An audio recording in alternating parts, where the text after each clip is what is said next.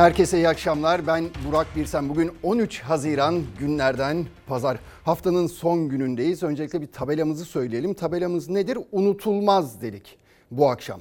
Neden böyle bir şey söyledik? Yine bir siyasetçinin sözleri üzerine, kurduğu bir cümle üzerine. Ama o tam olarak böyle kurmadı, unutulmaz demedi. Ama ben okuyunca unutulmamalı bazı şeyler diye düşündüm ve unutulmaz dedik. Siz de bu şekilde fikirlerinizi beyan edebilirsiniz. Tabii sizin de çok unutamayacağınız şeyler vardır ama acıları ve öfkeleri unutmakta fayda var. Onu da söyleyelim.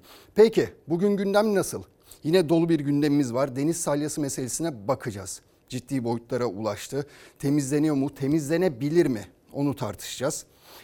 Ondan sonra şimdi siyasetçiler sokaklara iniyorlar. Vatandaş esnafı ziyaret ediyorlar biliyorsunuz. Ekranlarınıza getiriyoruz ama bu kez bir çocuğu ekranlarınıza getireceğiz. Onun kurduğu hayali göreceksiniz. Ne olduğunu göreceksiniz. Onun dışında müzisyenler var. Müzisyenler biliyorsunuz hala evlerinde hapisler pandemide. Onlar açılamadı. Türkiye neredeyse tamamen açılacak ama müzisyenler hala açılamadı. O da bir yara Türkiye için. Aşılama durumuna bakacağız. Kimler nasıl aşılandı ne oldu ama manşetimize önce atalım. Manşetimiz nedir diyecek olursanız yarın kritik bir görüşme yapılacak. Çok önemli bir görüşme. Cumhurbaşkanı Erdoğan'la Amerika Birleşik Devletleri Başkanı Biden görüşecekler. Peki neden bu kadar önemli? Çünkü Türkiye ile Amerika arasında anlaşılmayan, daha doğrusu anlaşma sağlanamayan birçok konu var. Onlar nedir derseniz öncelikle bakın şunu hatırlamak lazım. Joe Biden başkan seçilmeden önce bir videosu ortaya çıkmıştı. Yaptığı bir konuşma ortaya çıkmıştı ve skandal ifadeler kullanmıştı Türkiye'deki siyaset için. Ne demişti? Türkiye'de muhalefeti destekleyerek Erdoğan'ı yenmeliyiz diye bir hadsiz cümle kullanmıştı. Gerçekten skandaldı. İkinci skandal neydi? Seçildikten sonra yaklaşık 3 ay sonra Cumhurbaşkanı Erdoğan'la telefon görüşmesi yaptı. 3 ay bekledi. 3 ay sonra görüşme yaptı ve o görüşmede de sözde Ermeni tasarısını kabul edeceğini, soykırımını kabul edeceğini anlattı. Hadsizliğe bakın, küstahlığa bakın. İşte bunları söyledi ve bagaj yine dolu. Bitmiyor çünkü. Ege'de Akdeniz'de sorunlar var. Biliyorsunuz PKK, YPG sorunu var. FETÖ sorunu var. İşte tüm bunlar o masada ele alınacak. Alınması bekleniyor. Yani görüşme gerçekten çetin geçecek. Beklentimiz amasız ve fakatsız bir yaklaşımı Amerika'dan görmektir. NATO zirvesine Türkiye'nin bölgesindeki egemenlik hakları ve güvenlik hassasiyeti vurgusuyla gitti Cumhurbaşkanı Erdoğan. Liderlerle ikili temaslarında ise ABD Başkanı Joe Biden'la ilk kez bir araya geleceği randevuda gözler. Amasız fakatsız bir yaklaşım bekliyoruz dedi Erdoğan. Yüz yüze ilk görüşmemiz olacak. Biden başkan olduktan sonra yüz yüze gerçekleşecek ilk görüşmede Ankara-Washington hattında gerginliğe yol açan kritik başlıklar olacak masada. S-400, F-35, PYD-YPG, FETÖ ve ABD başkanları arasında ilk kez Biden'ın altına imza atarak kabul ettiği sözde Ermeni soykırımı. Erdoğan'ın Biden'la yapacağı görüşme öncesinde temenni ederim ki 24 Nisan'ı unutturacak bir adım atarız mesajı ise dikkat çekti. 24 Nisan yaklaşımı bizleri ciddi manada rahatsız etmiştir, üzmüştür. Temenni ederim ki 24 Nisan'ı unutturacak adımları da atmış oluruz. Biden'ın Ocak ayında Amerikan başkanlık koltuğuna oturmasıyla başlayan yeni dönemde ilk iletişim Nisan ayında telefon bağlantısıyla kurulmuştu. Sözde Ermeni soykırım tasarısını tanıyacağını söylemek için aramıştı Erdoğan'ı Biden. Başkanlık seçimleri öncesinde de Erdoğan'ın darbesiz bir şekilde gitmesi için muhalefetle işbirliği yapmaktan söz etmişti. Birçok tabii dedikodular vesaire içeride dışarıda oldu. Bunları geride bırakıp neler yapabiliriz? Bunları konuşmamız lazım. Son dönemde gerilen Türkiye-Amerika ilişkilerinde yeni bir başlangıç ve normalleşme beklentisiyle Biden'la masaya oturacak Erdoğan. Bunun için önce masadaki sorunların giderilmesi gerekiyor. Onlardan biri parası ödendiği halde Türkiye'ye teslim edilmeyen F-35'ler. 5 tane F-35 verilmiştir. Daha sonra da bu F-35'lere el koymak suretiyle bunlar gönderilmemiştir. Biden'ın Rusya'dan Türkiye'nin aldığı S-400 hava savunma sistemini masaya getirmesi halinde yine Amerika'nın tek taraflı bozduğu Patriot anlaşmasını hatırlatacak Erdoğan. Patriotlar konusu var. Bu konuda da yine Amerika sözünde durmamış. Bunları geri almış. Geri alınca tabii bizler de bu arada Rusya ile S-400'ler konusunda adım attık. PKK-YPG terörü ve Amerika'nın YPG'ye verdiği açıktan destek de Erdoğan-Biden görüşmesinin kritik başlıklarından. Amerikan askerlerinin Afganistan'dan çekilmesiyle birlikte Kabil Havaalanı'nın güvenliğinin Türk askerlerince sağlanması da konuşulacak ikili arasında. Beklentimiz amasız ve fakatsız bir yaklaşımı Amerika'dan görmektir. Halk Bankası davasıyla Amerika'nın Türkiye'ye yönelik gündeme getirdiği yaptırımların da görüşülmesi bekleniyor. Erdoğan-Biden kritik randevusunda. Görüşme liderler zirvesinin hemen sonrasında gerçekleşecek. Evet gerçekten kritik, önemli bir gelişme ama Sayın Cumhurbaşkanı'nın bakın giderken söylediği şöyle bir cümle var, kurduğu cümle var. İşte 24 Nisan'da biliyorsunuz Biden Ermeni soykırımını, sözde Ermeni soykırımını kabul ettiğini açıklamıştı. Sayın Cumhurbaşkanı da diyor ki temenni ederim ki 24 Nisan'ı unutturacak adımlar atmış oluruz. Şimdi unutulmalı mı peki? Onu sormak lazım. Yani kişiler bazı şeyleri unutabilir ama devlet aklı böyle şeyleri unutmalı mı gerçekten? Ha diyeceksiniz ki unutuyorlar mı? Evet unutuyorlar. İç siyasette söylenenler, yapılanlar unutulabiliyor ama bu başka bir şey. Bu devletleri ilgilendiren bir konu ve devlet aklının bazı şeyleri unutmaması gerekiyor. O zaman şunu da unutmalı mıyız? İşte Amerika'nın sürekli terör örgütü PKK'ya, YPG'ye yaptığı silah yardımlarını, para yardımlarını unutmalı mıyız? Daha bakın yeni Amerika Birleşik Devletleri 2022 bütçesinde terör örgütü PKK, YPG'ye Irak'ta, Suriye'de eğit donat faaliyetleri için eğitmek için yani onları 522 milyon lira para ayırdığını açıkladı. Ayrılacağını açıkladı. Şimdi bunlar unutulmalı mı? Devlet haklı. Kesinlikle bunları unutmamalı aslında. İlişkiler evet ilişkiler devam eder ama bunlar bu tür şeyler unutulmaz. Siz de stratejinizi geçmişe göre yaparsınız zaten atacağınız adımları. Şimdi yine çok önemli bir konu bakın. Afrin'e gideceğiz. Suriye'de Afrin'e gideceğiz. Orada ne oldu? Bir saldırı oldu. Siviller hedef alındı. Ama ne zaman? İşte yarın kritik görüşme var ve hemen onun öncesinde bir gün öncesinde PKK YPG o görüşmeye saatler kala neyle saldırdı? Füze ve toplarla saldırdı. Terör örgütü YPG PKK kalleş yüzünü bir kez daha Afrin'de gösterdi. Bir hastaneyi füzelerle vurdu. 14 kişi hayatını kaybetti. Türk Silahlı Kuvvetleri saldırıya anında karşılık verdi. Çok sayıda terörist etkisiz hale getirildi.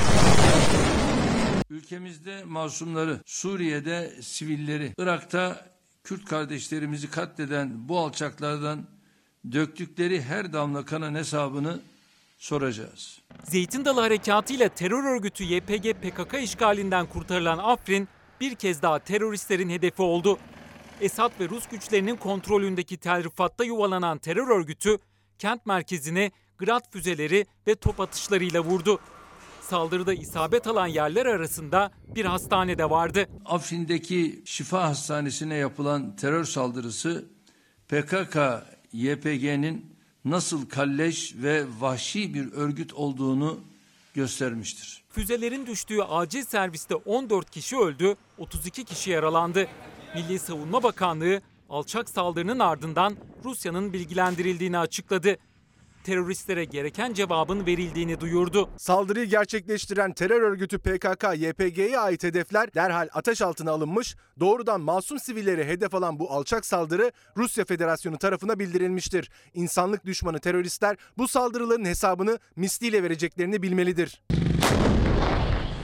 Türk Silahlı Kuvvetleri Tel Rifat'ta terör örgütünün sözde karargah olarak kullandığı 3 binayla mevzi ve barınakları vurdu. Çok sayıda YPG PKK'lı terörist etkisiz hale getirildi. Terör örgütünün Afrin'de hedef aldığı hastanede tıbbi ekipmanlar büyük hasar gördü.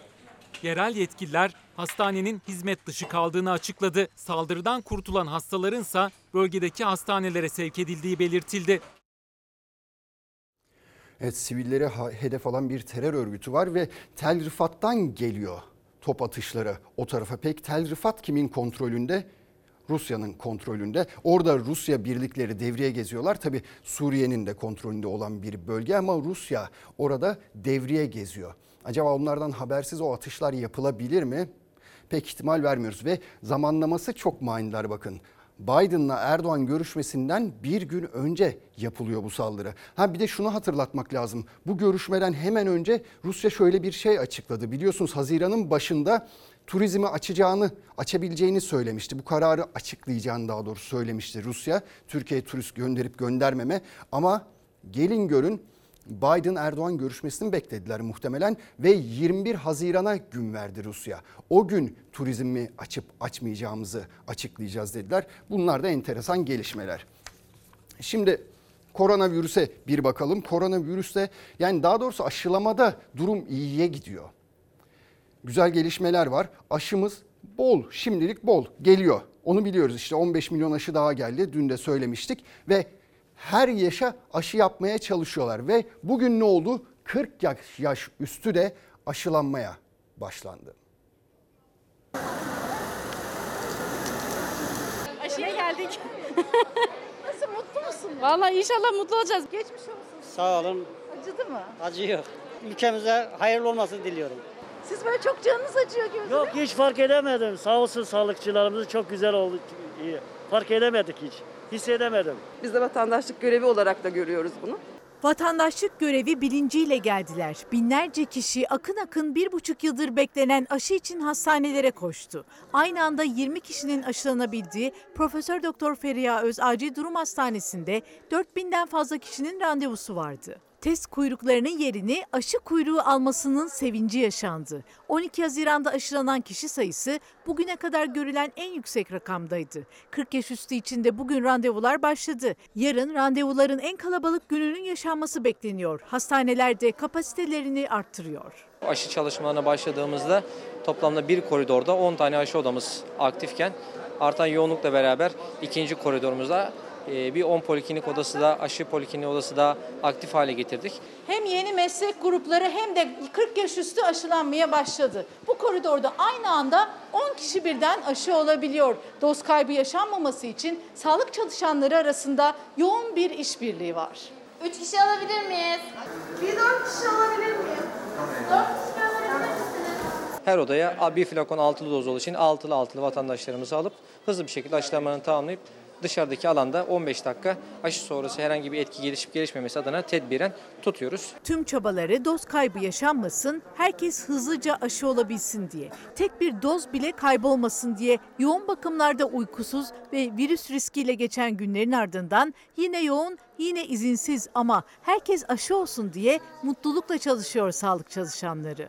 Randevusunu alanlar aşı olmaya gitmeli yoksa bu aşıda doz kaybına sebep olabilir. Tek doz bile çok değerli. Mecbur gelmemeler lazım. Bence Onların hatasını biz de çekiyoruz. Evet. Kul hakkına giriyorlar. Türkiye aşılanma hızında ivme kazandı. 12 Haziran tarihi verilerine göre verilen doz sayısı 33.4 milyon, 2 doz aşısı tamamlanan 13.7 milyon kişi oldu. Geçen hafta öğretim görevlileri ve avukatların ardından iki gün önce yeni meslek grupları dahil oldu aşılanma programına. Meslek gruplarından da e, ve 40 yaş üzerindeki vatandaşlarımızdan da yoğun bir şekilde talep devam ediyor. Kargocu olduğum için. Gerçi 40 yaş üzeriyim. Bugün de 40 yaş üzeri açıldı. Ee, Her ikisinden de uymuş oluyorum evet. Bana göre biz daha önce olması gereken meslek gruplarındandık. Kısmet bugüneymiş. Restoranda çalışıyorum. Günde binlerce insanla belki muhatap oluyorum. O yüzden şu an rahatlamış hissediyorum. İkinci dozu oluyorum. Yine burada olmuştum. Alışkınım zaten. Zaten çok iyi geçeceğine inanıyorum yani. Umutlar genç yaş gruplarının da aşı olmasında ve salgının bitmesiyle maskeleri çıkartmakta. Geçmiş olsun. Sağ olun. Acıyor mu? Yok acımıyor da. Bakalım sonuç ne olacak? Huzurluyuz, mutluyuz. Şunlardan da kurtuluruz inşallah. Şu an çok mutluyum. Yani inşallah bu maskelerden kurtulacağız diye düşünüyorum. O yüzden herkes mutlaka aşılarını olsunlar. Bence de herkes aşılarını olsun. Sizce de olsunlar. Evet aşıların herkes olsun istiyorum. Sağlıktan önemli daha ne var? Evet dikkatinizi çektim bakın arkadaşlar da söylemişti haberden gelen arkadaşımız Beril Özcan da söylemişti. 40 yaş üstü aşıdan sonra sürekli kolunu tutuyormuş canı yanıyormuş. Yani vallahi biz de olduk etrafımda çok kişi oldu aşı ama bu kadar canı yanan görmemiştim. Acaba 40 yaşın üstündekilerin canı biraz fazla mı tatlı? Şimdi Bakın bir de şöyle bir şey var arkadaşlarım biraz önce bilgi verdi. 20 milyon kişiye ilk doz aşısı yapılmış durumda şu an. Yani her 3 yetişkinden biri Türkiye'de ilk doz aşısını olmuş durumda. İşte bunlar güzel gelişmeler. Morali yerine geliyor insanın. Şu beladan kurtulacağız bir an önce diyorsunuz. Ama keşke işte biraz erken yapsaydınız, biraz daha önce yapsaydınız bunları da dedirtiyorsunuz değil mi? Evet gelelim şimdi müzisyenlere. Onlar çok önemli. Biliyorsunuz hep söylüyoruz ya müzik ruhun gıdası diyoruz. Ama gelin görün normalleşme başladı. Her taraf açıldı. Belli aralıklarla restorana oturuyorsunuz, parklarda, bahçelerde geziniyorsunuz. Ama müzisyenler belli aralıklarla konser veremiyorlar açık havalarda, açık havada. Ve şu an para kazanamıyorlar. Ve biz ruhumuzu dinlendiremiyoruz onlar olmadığı için. Ve parklara, bahçelere gidiyorlar. Para kazanmadan seslerini oralarda duyurmaya çalışıyorlar. Ama biz de diyoruz ki hala ruhumuz evde hapis.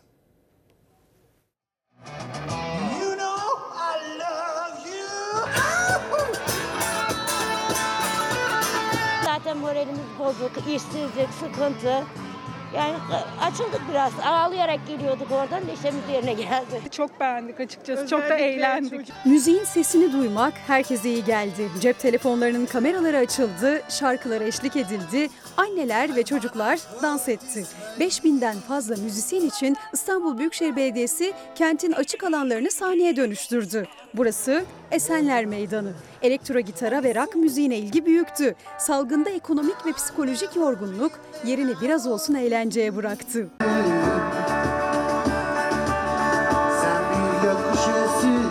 Bence çok eğlenceli ve güzel olmuş. Herkes evde sıkıldı ve şu an çok eğlenceli bir ortam var. Çok eğlenceli oldu. Hep böyle olsun diyorum. Tesadüfen geçerken denk geldim. Bak çoluk çocuk nasıl mutlu oldu, nasıl herkes eğlendi. Şu küçük çocuk bile mutlu oldu. Sonuçta müzik ruhun gıdası. Buradan geçen bir kişi bir tane melodiyle bile belki morali bozuksa onu e, düzeltebilir. Tek derdi izleyicilerini eğlendirmek, moral vermekti ama onların derdine uzun süredir çare yoktu. Borç içinde olanlar var, aile yaşantısı sürdürenler var, yuva kuranlar var. Bu zorlu zamanda tabii ki İstanbul Büyükşehir Belediyesi'nin böyle bir proje başlatması en azından hani yanımızda olunduğunu hissetmemiz iyi hissettirdi diyebilirim. İstanbul Büyükşehir Belediyesi aylardır gelirsiz kalan, barlar ve eğlence mekanları hala açılmadığı için zorda olan müzisyenlere Mart 2021'de seslendi ve İstanbul bir sahne projesini başlatmak için müzik toplulukları ile birlikte 6841 başvuru topladı. Müzikle geçinen 5010 müzisyenin başvurusu kabul edildi ve müzisyenler adalardan Bağcılar'a, Çatalca'dan Sultanbeyli'ye 100 noktada İstanbullulara mini konser vermeye de başladılar. İstanbul Büyükşehir Belediye Başkanı İmamoğlu Twitter hesabından duyurdu. Konserlerle her bir müzisyene 2000 lira destek sağlanıyor. Hem müzisyenler kazanıyor hem de müzik ruha iyi geliyor. Sosyal e, medyadan öğrendik ve başvurmaya karar verdik piyanist arkadaşımla. Bizim için ve halk için bence e, çok önemli ve çok değerli bir etkinlik. Üsküdar Meydanı'ndan da keman ve piyano sesleri yükseldi. Açık hava konserleri park ve meydanlarda Eylül sonuna kadar sürecek. Sadece müzik de değil, aylardır tiyatrolarda kapalı. İstanbul Büyükşehir Belediyesi İstanbul'da perdeler kapanmasın projesiyle de 400 özel tiyatroya 2 milyon lira tutarında destek vereceğini duyurdu. Evet gerçekten bakın çok güzel şeyler bunlar. Belediyelerin en azından müzisyenlere destek olması gerekiyor. Tabii iktidar devlet onların da önüne geçmezse engel olmaya çalışmazsa inşallah olmazlar. Çünkü belediyeler en azından böyle etkinlikler düzenlerlerse işte müzisyenler de biraz biraz olsun para kazanmış olabilirler. Çünkü 2000 lira 3000 lira yardım bakın hiçbir şey değil. İnsanlar bir buçuk yıldır evlerinde boş oturuyorlar, kira ödüyorlar, işte su elektrik faturası ödüyorlar. Yeme içmeleri var. Bunları karşılıyorlar. Çocukları var ama siz 3 bin lira para veriyorsunuz bir buçuk yıl sonra. Olacak iş değil. Lütfen yani bunu bir kez daha bilim kurulu düşünsün, başkaları düşünsün ve ruhumuz evde artık hapsolmasın. Şimdi gelelim siyasete. Siyasetin konusu ekonomiyi konuştular, seçimi konuştular, başka başka şeyleri konuştular. Şimdi Cumhurbaşkanı Erdoğan bakın öncelikle şunu söyleyeyim. Merkez Bankası'nın rezervinin bugün itibariyle 100 milyar dolar olduğunu açıkladı. Bu önemli. Çünkü daha önce de başka açıklamalar yapmıştı. Sonrasında aa, bir baktık ki bir bakan açıklama yapıyor, Maliye Bakanı açıklama yapıyor. Meğer rezerv o kadar değilmiş. Onu takip etmek lazım. Onu söyleyeyim. Ve Cumhurbaşkanı'nın bir diğer açıklaması açlıkla ilgili. Aç kalanları siz doyurun demişti muhalefete. Evet ona da yanıt Kemal Kılıçdaroğlu'ndan geldi. Çekilin oradan Türkiye'deki bütün açları doyuralım dedi. Merkez Bankamızın döviz rezervi konusunda geldiğimiz nokta 100 milyar dolar seviyesine ulaşmış vaziyetteyiz. Siyasetin bitmeyen tartışması Merkez Bankası'nın döviz rezervleri. Muhalefet her fırsatta 128 milyar dolar nerede sorusunu sorup rezervler ekside diyor. Cumhurbaşkanı Erdoğan NATO liderler zirvesine giderken Merkez Bankası'nın döviz rezervini yeni rakamlarla açıkladı, tartışmayı alevlendirdi. Taraflı Cumhurbaşkanı, Akraba Bakan el ele verdi. 2 yılda 130 milyar doları cayır cayır sattılar ve eksi 60 milyar dolara düştü. Merkez Bankası'nın döviz rezervi düşüyor. Bundan dolayı zil takıp oynayanlar var. Onların bu oyunlarında bozmuş oldu. Erdoğan muhalefeti hedef alarak zil takıp oynayanlar dedi. Çin'le 3,5 milyar dolarlık swap anlaşması yapıldığını, böylece Merkez Bankası rezervlerinin de 100 milyar doları bulduğunu söyledi. Uzun yıllar ekonominin dümeninde kalan eski yol arkadaşı Babacansa rezervlerin eksi 60 milyar dolar olduğu görüşünü seslendirdi bir kez daha. Rezerv tartışmasının yanı sıra siyaseti ısıtan en sıcak başlıklardan biri de açlık ve açları doyurma polemiği. Neymiş? Millet açmış. Aç olarak dolaşanları buyurun siz de doyuruverin. Diyorlar ya aç varsa siz doyurun. Çekilin oradan Türkiye'deki bütün açları doyuracağız. Liderlerin açlık düellosunda Cumhurbaşkanı'na restle karşılık verdi CHP lideri Kılıçdaroğlu. Siz yoldan çekilin biz açları doyuracağız diyerek. Çekilin oradan Türkiye'de hiçbir çocuk yatağa aç girmeyecek. Çekilin oradan Türkiye'de her kuruşun hesabını veren bir millet iktidar olacak. Hükümet ister mi? Ben ondan emin değilim. Yani ülke şu anda derin bir ekonomik krizin içindeyken bu kadar enflasyonun yüksek olduğu, işsizliğin yüksek olduğu, yoksulluğun olduğu bir ülkede böyle bir dönemde seçime gider mi Cumhurbaşkanı ben emin değilim yani. Kaybedeceğini bile bile seçime gitmez diye düşünüyorum. Sandığı işaret eden Kılıçdaroğlu Millet İttifakı'na vurgu yaparak bizim iktidarımızda açlık, yoksulluk olmayacak dedi. Ali Babacan ise çizdiği ekonomik tablo karşısında iktidarın erken seçim kararı alamayacağı iddiasını dile getirdi. Biz yapacağız. rejoice Güzel şeyler yapacağız. Birlikte yapacağız. Dostlarımızla beraber yapacağız. Biz ne gerekiyorsa bütün imkanlarımızı seferber ederek bunları yaptık. Yapmaya devam ediyoruz. Deva Partisi lideri Ali Babacan geçmişiyle ilgili öz eleştiri de yaptı. Keşke diyerek konuşmadığım konularla ilgili konuşsaydım dedi. Özellikle de bugün yaşanan sorunların temel sebebi olarak gösterdiği Cumhurbaşkanlığı hükümet sistemiyle ilgili. Tekrar bantı sarmak mümkün olsa ne yapardım? Açık açık çıkardım. Bu iş yanlış diye söylerdim. Bunun yanlış bir sistem olduğunu anlatmamış olmayı şu anda kendim adıma bir hata olarak görüyorum. Hoş bir tartışma konusu değil açlık üzerine. Şimdi Sayın Cumhurbaşkanı diyor ki aç olanları buyurun siz doyurun. Şimdi bu ne demek oluyor? Demek ki aç bir kitle var onun farkındayım onları da siz doyurun diyor. İşte asıl iktidarın yapması gereken o insanlara el uzatmak, onları kaldırmak, onları açlığa mahkum etmemek değil midir? Eğer ki şunu demek istedilerse açlık yok hani bulun da siz doyurun demek istedilerse o zaman 5 milyon işsiz var. Onlar ne diye sormaz mı insan? İşte bunlar unutulmuyor. Bir başka unutulmayacak konu da bakınız insanlar siz açlığı tartışıyorsunuz ya. Açlığı tartışıyorsunuz. Ben değil siz başlattınız bunu. Liderler başlattı. Açlığı tartışırken diğer tarafta unutamadığımız bir şey var. Nedir o? Çift maaşı alanlar var. Değil mi? Ayda 3-4 maaş alan milyonlarca belki yüz binlerce yılda para alan bürokratlar var. Ve bakın aç olanı nasıl anlarsınız biliyor musunuz? Aç olanı işte şu fotoğraf çok iyi anlatıyor. Ayağında eski bir terlik var ve bu çocuk hayal kuruyor da hayalleri o kadar küçük ki dar bir alana sıkışmış ki ve en sonunda ağlıyor. Ağlatmayın çocukları. Ben uzaktan izleyeyim ben size bir iş yapacağım tamam mı? İşte baktan tellek kalamıyor. Bir kare görüntü, bir cümle anlatmaya yetti Diyarbakırlı çocuk işçileri. İçlerinden biri dayanamadı, gözyaşlarını tutamayarak CHP'li Veli Ağbaba'ya sarıldı. 750 bin üzerinde çocuk işçisi var. Bu çocuklar hala sokakta çöpte kağıt topluyorlarsa yazıklar olsun. Bu çocuklar bu hale bu kadere tercih ederler. Liyakat istiyorum. Ben aç olayım ama liyakat olsun, adalet olsun. Benim tek istediğim bu. Yani ben ailemi verdiği emekleri, harcadığı paraları, senelerdir yaptığı paraları karşılığını vermek istiyorum. Ya ben bıktım artık. Ben inşaat mühendisi bitirdim. Yapmak istemiyorum. Çünkü torpil, bilmem ne şu bu. Zonguldak''ta üniversite mezunu bir gençse kurumlarda işe alımda liyakat istiyorum diyerek çıktı Akşener'in karşısına. Salgında işsiz kalan bir baba da geçim sıkıntısıyla. Biz bittik. Bizim burası 60 bin işçi çalışıyordu. Şimdi 6 bin işçi çalışıyor. Göç alanlar göç veriyor. Bizim ilçemiz artık zor durumda yaşıyor. Çocuklar ne yapıyor? Boş değil Nasıl geçiniyorsun sen? Ben anneme maaşı. Ay Biz bittik ya. annemin maaşıyla. Dayanacak gücümüz kalmadı. Eşim vefat etti bir yıl oldu bu koronadan dolayı. Heh. Bir sene oldu. He. Geçimi nasıl yapıyorsun? Geçimim babam maaşını içinde alıyorum. 600 milyondan alıyorum. İki defa gittim iş kura.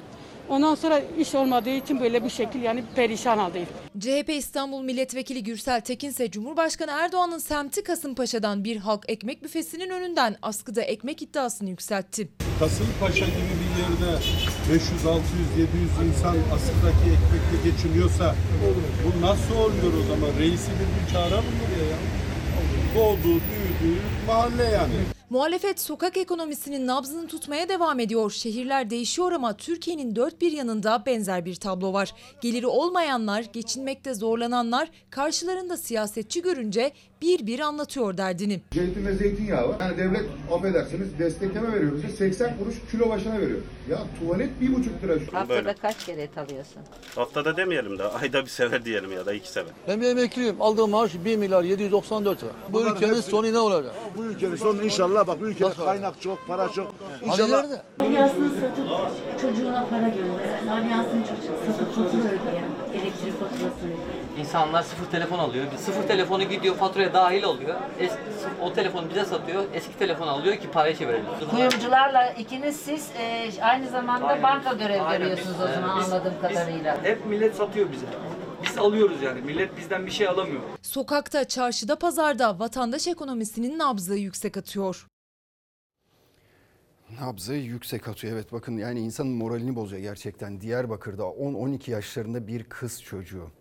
Ayağında ayakkabı olmadığı için veya eski bir terliği olduğu için gözyaşı dökebiliyorsa gerçekten yani kendimize dikkat etmemiz lazım. Bir şapkayı önümüze koyup gerçekten ve gerçekten bir kez daha düşünmemiz lazım. Çünkü çocukları ağlatmaya hakkımız yok. Onların hayal kurması gerekiyor. Geleceğimizi inşa etmeleri için hayal kurmaları gerekiyor. Ama biz karanlık bir odanın içine hapsetmişiz. Oradan çıkmalarını bekliyoruz. Çabalıyorlar ve işte sonunda gözyaşını döküyorlar. Bu onların suçu değil. Utanmamaları da gerekiyor. Bu onları yönetemeyenlerin suçu oluyor çünkü. Onlara el uzatamayanların suçu oluyor.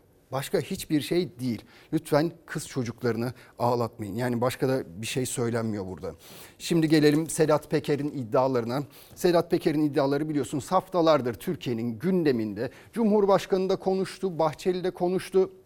Muhalefet de konuştu, herkes konuştu ve Süleyman Soylu hedefinde olan, Peker'in hedefinde olan Süleyman Soylu İçişleri Bakanı şöyle bir iddia ortaya attı. Dedi ki ayda 10 bin dolar alan siyasetçi var. Her ay düzenli olarak alıyormuş. Öyle söylüyor Süleyman Soylu. Peker'den alıyormuş o parayı ama eksik bıraktı. Tamamlamadı cümlesini. O siyasetçinin kim olduğunu bir türlü söylemiyor. Neden gizliyor? Neden bu kadar esrarengiz bir havaya büründürmeye çalışıyor? Bir şey mi bekliyor onu kimse bilmiyor. Ama kendisi suskun. Belki de unutulmasını istiyor. Ve bugün Kemal Kılıçdaroğlu CHP lideri şöyle çarpıcı bir laf etti. Şöyle bir cümle kurdu. Sesini çıkarmıyorsa o da bu işe ortaktır.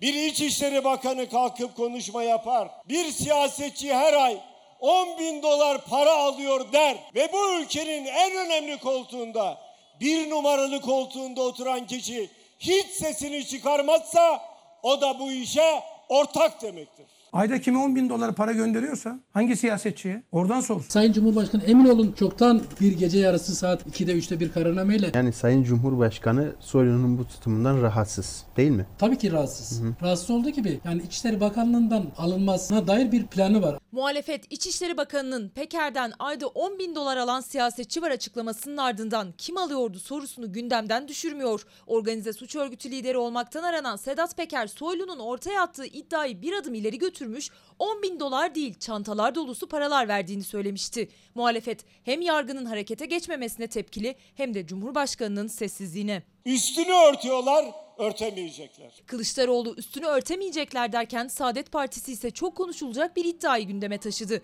Genel Başkan Yardımcısı Bülent Kaya'ya göre Erdoğan 14 Haziran Biden görüşmesinden sonra Türkiye'ye dönünce tartışmayla ilgili adım atacak. 14 Haziran'daki Amerikan Başkanı Joe Biden'la görüşmesine büyük önem atfediyor Sayın Erdoğan. 14'üne kadar sorun istemiyor. 10 bin dolar meselesi. Evet. Ben bir kere bir siyasetçi dedim. Partisinde söylemedim. Araçlara çantalar dolusu para konulduğu iddiasını görmezden gelebilir misiniz? Cumhurbaşkanlığı Yüksek İstişare Kurulu üyesi Cemil Çiçek'in bu çıkışından sonra Saadet Partili Kaya, AK Parti içinde Soylu hakkındaki iddialardan rahatsızlık duyan çok sayıda vekil olduğunu ama herkesin Erdoğan'ın atacağı adımı beklediğini iddia etti. Sayın Cumhurbaşkanı Soylu ile ilgili olumsuz bir şey söylesin en az 200 milletvekili bombardımanı tutar. Yahu Erdoğan sana sesleniyorum.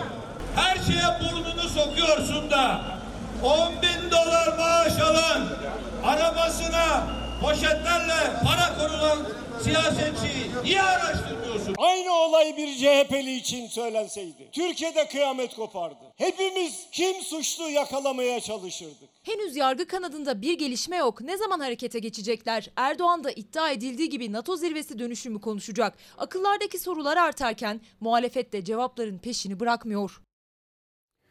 Çok ciddi bir itham gerçekten de suça ortak olursun diyor Sayın Kemal Kılıçdaroğlu. Gerçekten de öyle oluyor mu? Buna hukukçuların biraz cevap vermesi lazım aslında. Ve tabii İçişleri Bakanı Süleyman Soylu'nun da kendi vicdanında hesaplaşıp bir açıklama yapması gerekiyor. Neden bu kadar zamandır bunu gizlediğine dair bir açıklama yapması gerekiyor. Sonuçta birinin hatalı olduğunu söylüyor ama o kişinin adını vermiyor ne zamandır. Ve İçişleri Bakanı olduğu için de kimse çıkıp da bir şey diyemiyor kendisine ama bakın Türkiye Büyük Millet Meclisi'nde bu devletin de itibarının geri kazanılması için ve itibarının zedelenmemesi için gerçekten de mecliste araştırma ve soruşturma komisyonunun kurulması lazım. Bundan kimsenin çekinmemesi lazım ve savcıların da bu soruşturmayı derinlemesine yapmasına engel olmamak lazım ya da önlerini açmak lazım. Bir talimat vermek lazım belki de. Ha savcıya talimat verilmez ama bir şikayet dilekçesi gibi bir şeyle başlatılabilir belki de. Bunlar da unutulmamalı diyelim. Şimdi deniz salyasına gelelim. Biliyorsunuz Marmara denizi entübe olmuş durumda. Nefes alamıyor kendisi. Ve neden nefes alamıyor? Bizim yaptıklarımız yüzünden. Hani söylüyorduk 2006 yılında ilk rapor verilmiş, sunulmuş göz ardı edilmiş muhtemelen ki hiç kimse hiçbir şey yapmamış. 2007'de bir daha verilmiş. Ondan sonra 3-5 yıl sonra bir daha, bir daha, bir daha ve gördüğünüz gibi Marmara Denizi'nde el birliğiyle yönetenler biz değil. El birliğiyle entübe ettiler. Ama bugün bir itiraf geldi. Çok önemli bir isimden itiraf geldi. Öyle böyle bir itiraf değil bakın. Unutulmayacak bir cümle. Yıllarca hatırlanacak bir cümle. Kimdir kendisi? Eski Orman ve Su İşleri Bakanı Veysel Eroğlu. AK Parti döneminde tam 11 yıl bakanlık yaptı. Bu bakanlık görevini yürüttü. Dedi ki Çevre Bakanlığı denetimi gündüz yapıyor. Atıklar gece denize bırakılıyor.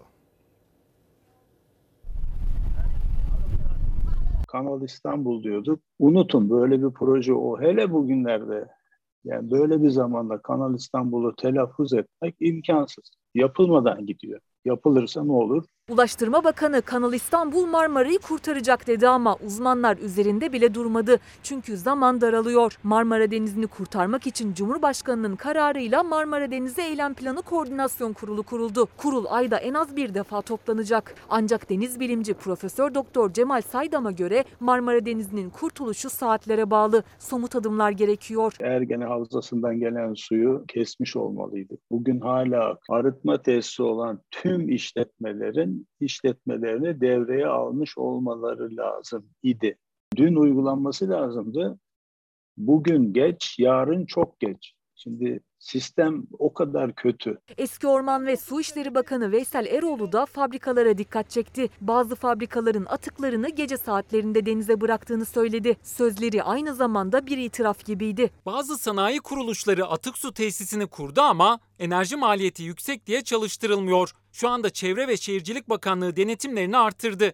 Ama denetimler gündüz yapılıyor. Gece bütün atık sular derelere bırakılıyor. Herkesin yetkili olduğu zaman da o yetkisini kullanması lazım. Hiçbir denetçi gidip de şu tesis arıtmıyor demiş mi?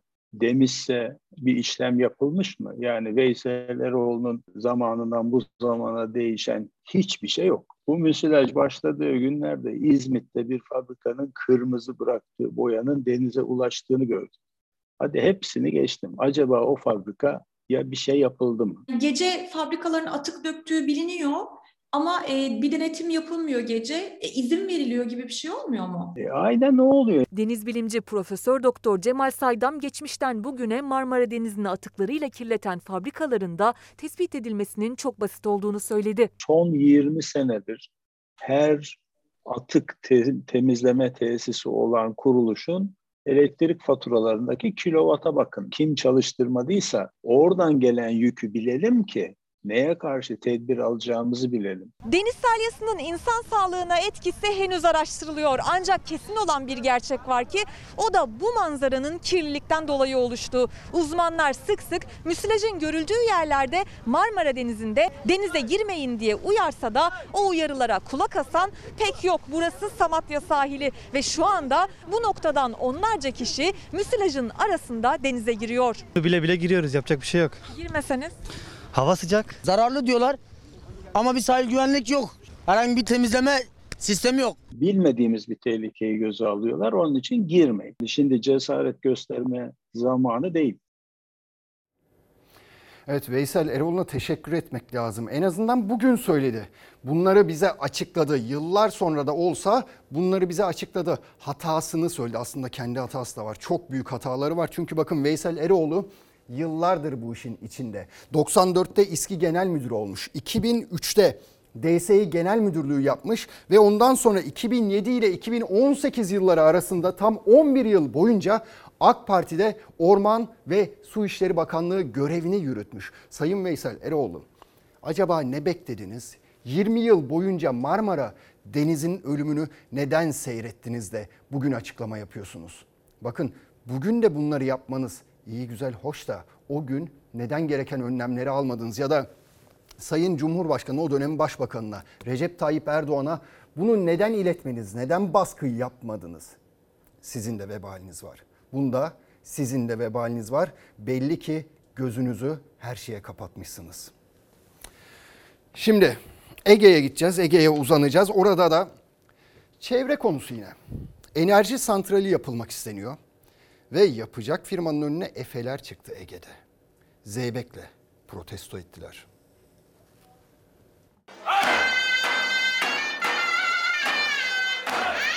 Efeler sahnedeydi. Köyleri, doğaları için. Jeotermal enerji santraline tepkilerini bu kez özleriyle, gelenekleriyle, danslarıyla gösterdiler.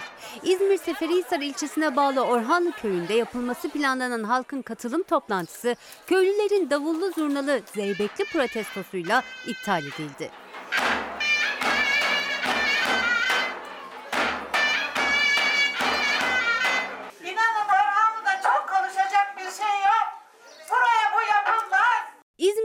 180 milyon metrekarelik alan için jeotermal santral ruhsatı verildi. Seferihisar'da o alan içinde merkezinde zeytinliklerin arasında tam 23 sondaj kuyusunun açılması planlanan Orhanlı köyünde çet süreci için gerekli olan halkın katılım toplantısı yapılacaktı. Ama halk izin vermedi. Bizim köyümüzü rahat bırakıp biz gitmeden kimsinizi buradan dışarı çıkaramaz. Biz onları sokmayacağız burası. Burası bizim köyümüz. Bizim başka gidecek yerimiz var mı arkadaşlar?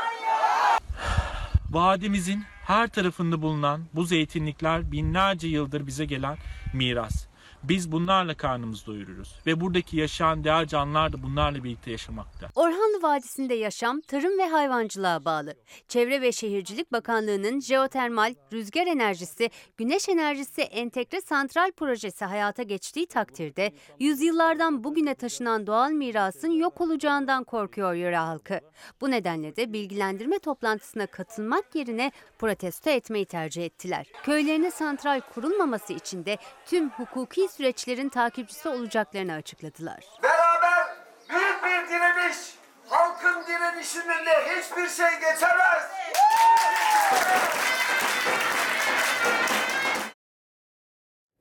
İki gencecik öğretmen trafik kazası kurbanı.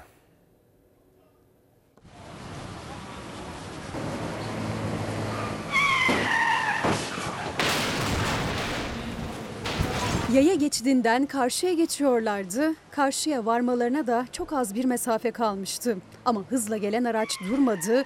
Gencecik iki öğretmen o kazadan sağ çıkamadı. Allahu Ekber. Nusaybin Oğuzhan İlkokulu'nda öğretmenlik yapan 28 yaşındaki Suzan Basın'la 27 yaşındaki Büşra Yıldız, Mardin Yolu Caddesi üzerinde karşıya geçmek için yaya geçidinde yürümeye başladı. İki motosikletli geçti önlerinden, biraz beklediler, sonra yollarına devam ettiler. Refüje yaklaştıkları sırada hızla gelen ticari araç genç öğretmenlere çarptı. Vicdansız sürücü arkasına bile bakmadan kaçtı. Ağır yaralanan Suzan öğretmenle Büşra öğretmene ilk müdahale olay yerinde yapıldı. İki öğretmen kaldırıldıkları hastanede can verdi. Suzan öğretmen Nusaybin'de ağıtlarla toprağa verildi. Büşra öğretmenin cenazesi de defnedilmek üzere Kastamonu'ya gönderildi. Kaçan sürücüyü polis yakaladı, gözaltına aldı. SMA'lı bebekleri biliyorsunuz ekranlarınıza çokça getiriyoruz. Dertleri çok büyük çünkü ve çok az zamanları kaldı. Hala birçoğu yardım bekliyor. Ben 18 aydır bir anne olarak her gün evladımı kaybetme korkusuyla yastığa başımı koyuyorum. Lütfen derdime ortak olun. Omzumdaki yük çok ağır. Salıncağı bile hortumlara bağlı biniyor. Hayata zorluklarla başlayan Yiğit Alp destek bekliyor. SMA tip 1 hastası bebek için son 40 gün. Amerika'daki gen tedavisine ulaşması için gerekli paranın da son %40'ı kaldı. Tıpkı İzmirli Yiğit Alp gibi Konya'da yaşayan Egehan da gen tedavisi için gün sayıyor. Canım acıyor. Çünkü Egehan'a giren her iğne benim canıma girmiş kadar bir acısını hissediyorum vücudumda. Bir anne olarak gücüm bir yere kadar yetiyor. Lütfen destek olun. Egehan bebek için de son 143 gün. Tedavinin kriterlerine uyabilmesi için bu 143 gün içinde kilo almaması gerek. Babası jandarma uzman çavuş Oğuz Özkılıç silah arkadaşlarının da desteğini bekliyor. Değerli komutanlarım, sevgili silah arkadaşlarım. Ben bir baba olarak sizlere sesleniyorum. Sizlerin desteğine ihtiyacımız var. Gen tedavisini alabilmesi için 13,5 kilo olmadan gerekli olan miktarı toplayabilmemiz gerekiyor. Ve Mehmet Ayaz'ın bunun için ağır diyetler uygulaması gerekiyor. Mehmet Ayaz'a 15 aylıkken teşhis kondu ve günden güne kas gelişimi yavaşlıyor. SMA'lı bebeklerin zamanı çok dar ama kampanyalar yavaş ilerliyor. 8 aydır kampanyamız devam ediyor. Şu anda %15.57'deyiz. Maalesef ki kampanyamız 2 haftadır %1 dahi ilerleme kaydedemedi.